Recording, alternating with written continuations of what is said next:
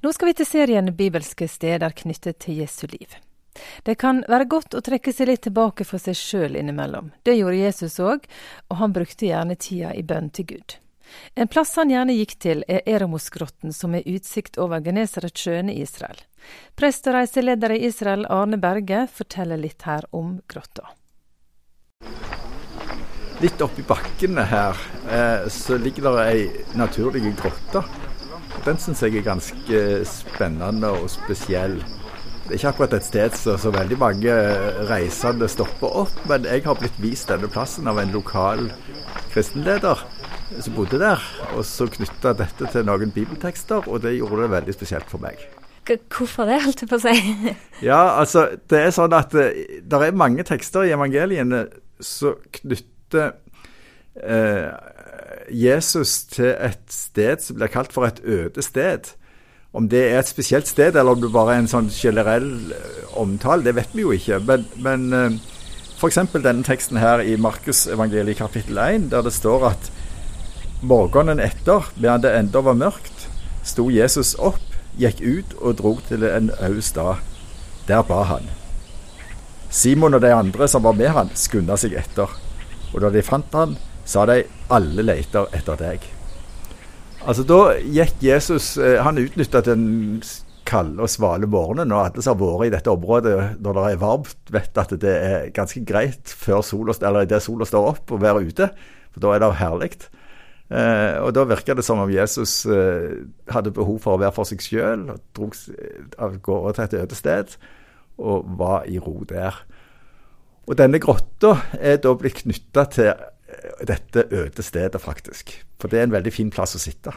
Ja, vi var jo der, og det var ikke en veldig stor eh, grotte, Nei, egentlig. Det er ikke en stor grotte, og, og da er det lagd en benk inni der. Men det var det jo selvfølgelig ikke fra gammelt av. Men eh, poenget er jo på at i hvert fall på, midt på dagen, da Nå var jo dette en tekst som snakket om morgentimene, men, men på dagen så ligger denne grotta sånn til at han er, altså han er østvendt. Sånn at uh, det vil være skygge inni han, selv om han ikke er særlig djup, uh, hele dagen. Uh, og, og, dermed så er det en, en sval og god plass å kunne være. En av de få plassene kanskje i hele området der det går an å finne skygge, faktisk.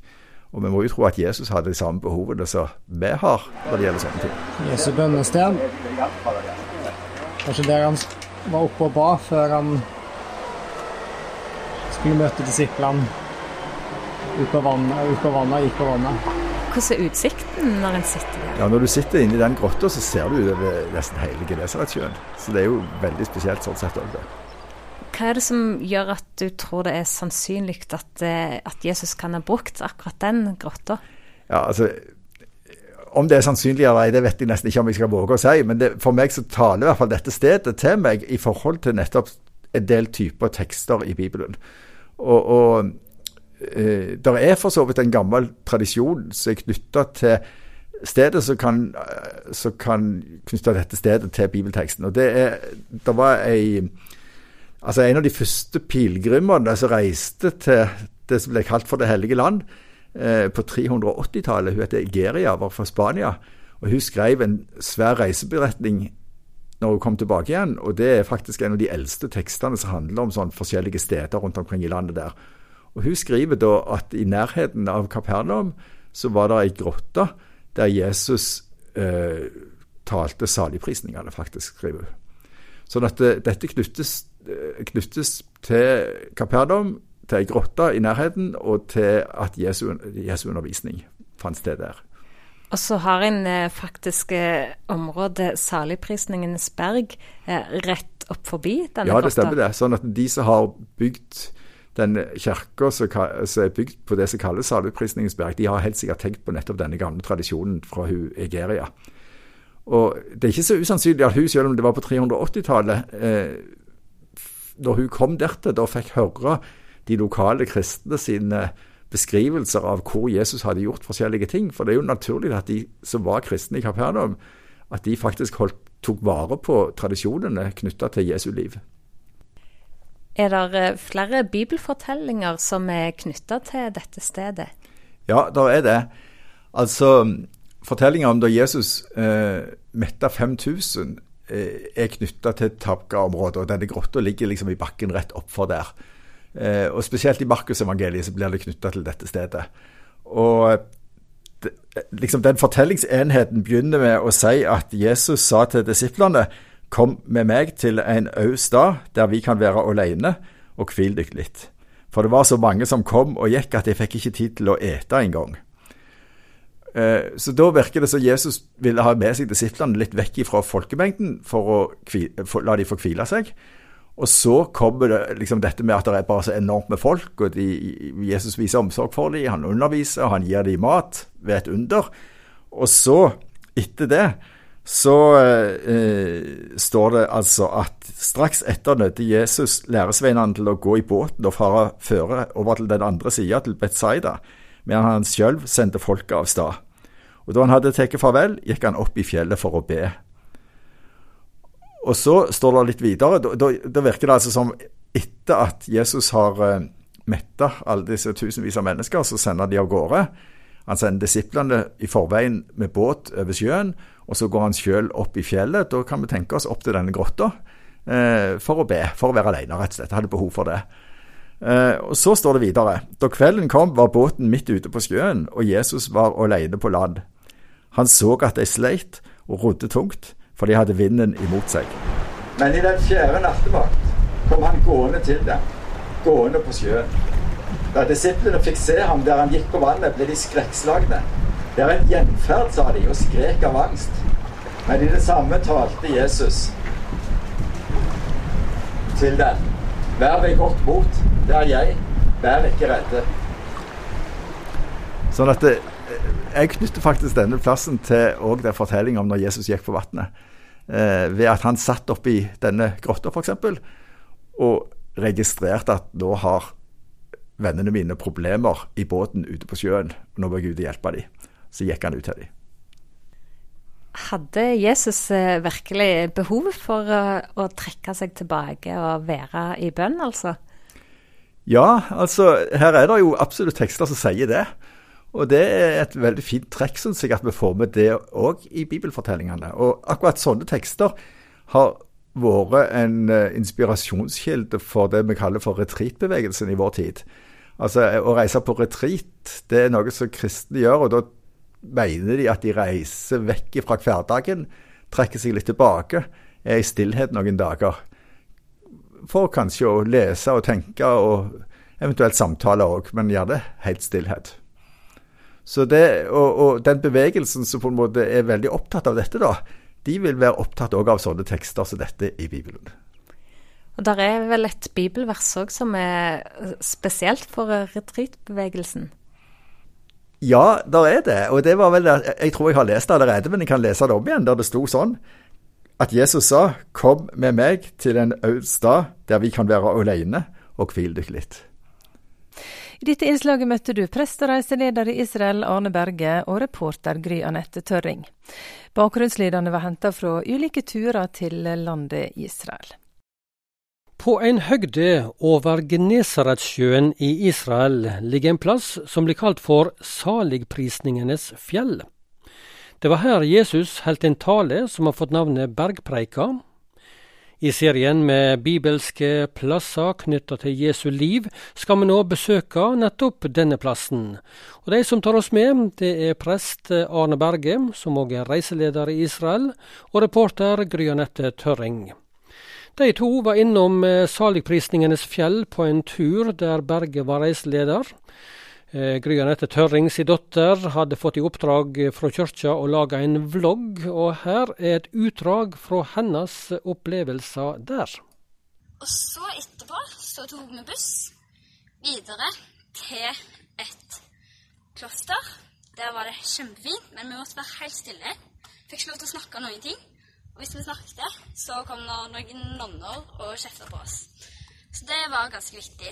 Eh, og den Plassen der klosteret lå, heta eh, Saligprisenes berg.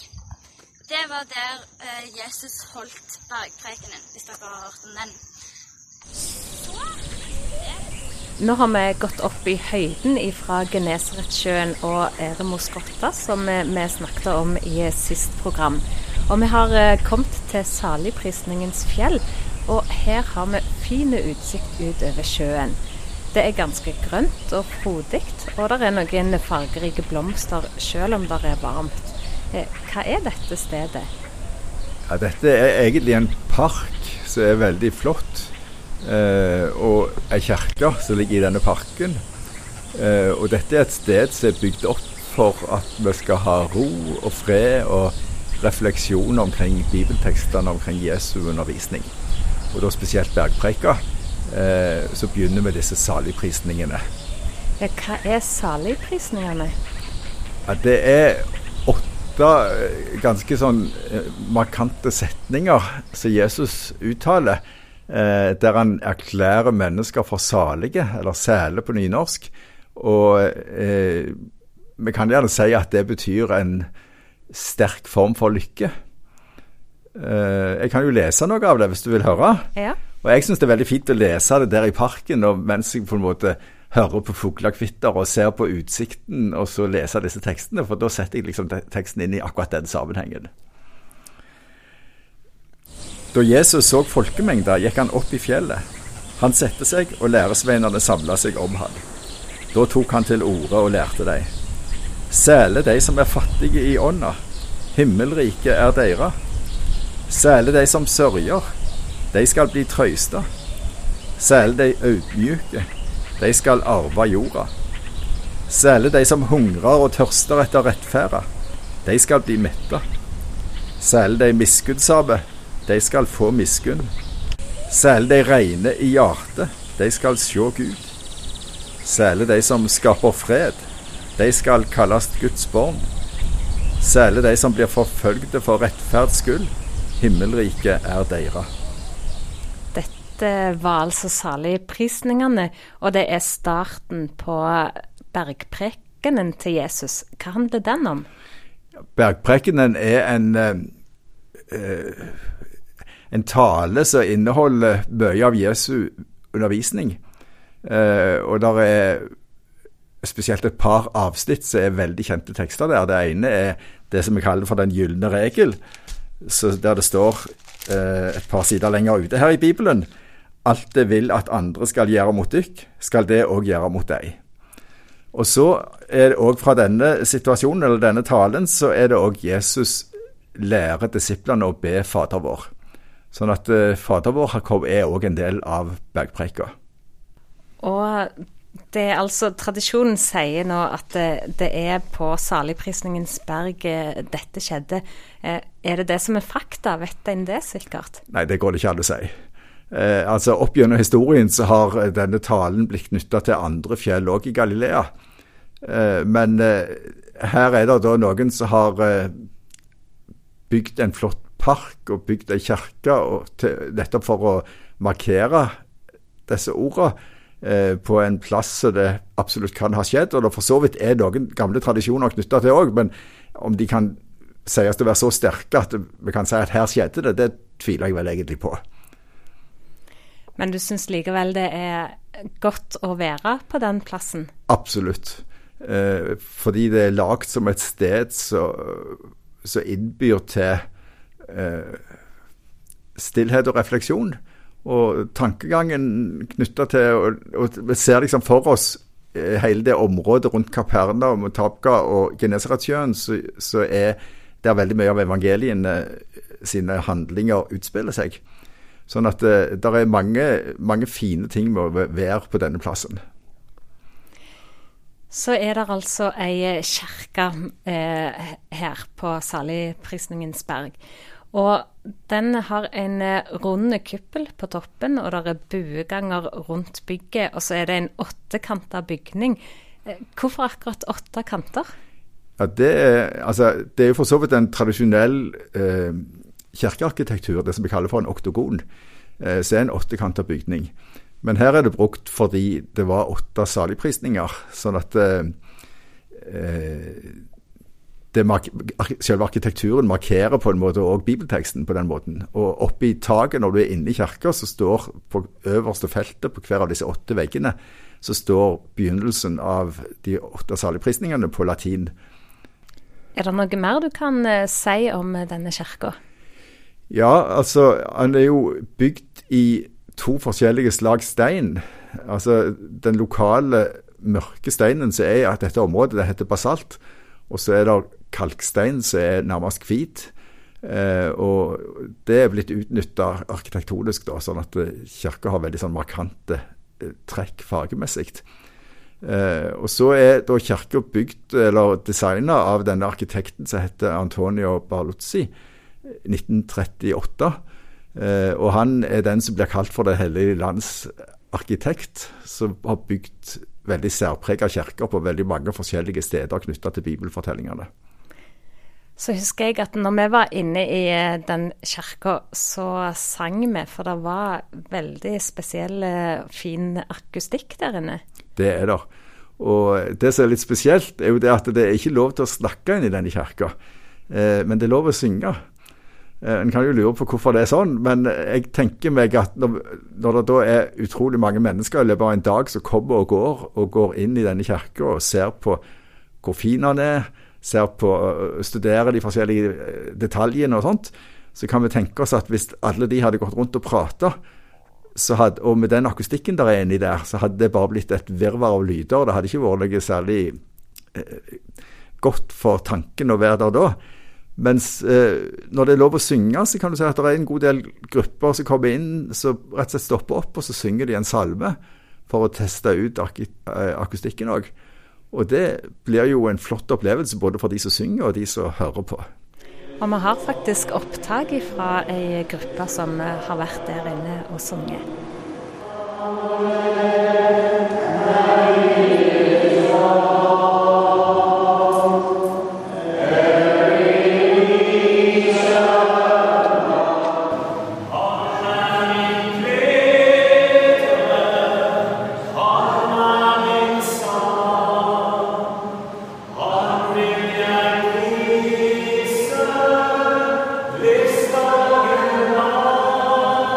Det som jeg syns òg var litt spesielt når jeg kom inn i denne kirka, det var at det, det, var nonner som var vakter. Hvordan kan det ha seg? ja, altså Det dreier seg vel om at det er en nonneorden, eh, italienske fransiskanere, som driver dette stedet. Det er de som eier plassen. De bor i et kloster i bakkene litt lenger oppe, og, og, og de er på en måte bemanning og som tar imot folk. Og Dermed så har nok de òg De blir kanskje oppfatta som litt strenge, og det går lett opp på dette med at de ikke vil ha snakk inn i kirka. Ellers tror jeg ikke de er så strenge. Så det går mest for at de ønsker å verne om stedet som et hellig sted, og et sted for gode opplevelser. Ute så er det eh, en fin park, det har vi jo nevnt litt allerede, eh, med plass til å sette seg ned. Enten ei hel gruppe, eller en kan eh, sette seg alene. Noe, og, og, vi satt sånn, på et sånt sted når vi var der. Men kan du beskrive hvordan du pleier å oppleve det å sitte der, og hva pleier du å gjøre? Ja, det er nettopp dette med å, å knytte bibelteksten til naturopplevelsen og synsinntrykkene og alt sånt, det er jo noe av det som er spesielt ved å reise til de bibelske stedene og lese bibeltekstene som vi kjenner godt hjemmefra, eh, på de stedene som faktisk blir knytta til akkurat de forskjellige tekstene. Og Det syns jeg er veldig fint på en sånn plass som dette her. Og rundt omkring, I tillegg til disse her eh, stedene der det er lagt til rette for å sette seg ned, så er det rundt omkring i parken òg lagt en del installasjoner, kan vi si der eh, korte bibeltekster, f.eks. disse åtte saligprisningene, eh, står skrevet på en stein eller på, ja, på en annen måte i naturen. og Knytta til noen fine blomster, kanskje, og på et punkt der det òg er en fin utsikt. sånn at det, når du går rundt i parken, så blir det på en måte en sånn andaktsvandring, det òg. Altså der en på en måte blir minnet om disse ordene. Husker du noen av eh, de andagsplassene, hva det står på dem? Ja, altså f.eks. en plass så står denne her eh, Det verset der det står at særlig de som skaper fred, de skal kalles Guds barn. Og Det er jo en veldig flott setning, så eh, det er fint å bli minnet på en sånn plass som dette her. Ja, Det sa prest og reiseleder i Israel, Arne Berge. Og I innslaget så hører du også et utdrag fra tolv år gamle Silje sin videologg i forbindelse med eh, besøk på Saligprisningenes fjell og sang i kirka fra ei anna norsk eh, gruppe. Du hørte også et utdrag fra sangen Fader vår av Espen Grotheim. Og reporter i serien om bibelske plasser, ja det er Gry Anette Tørring.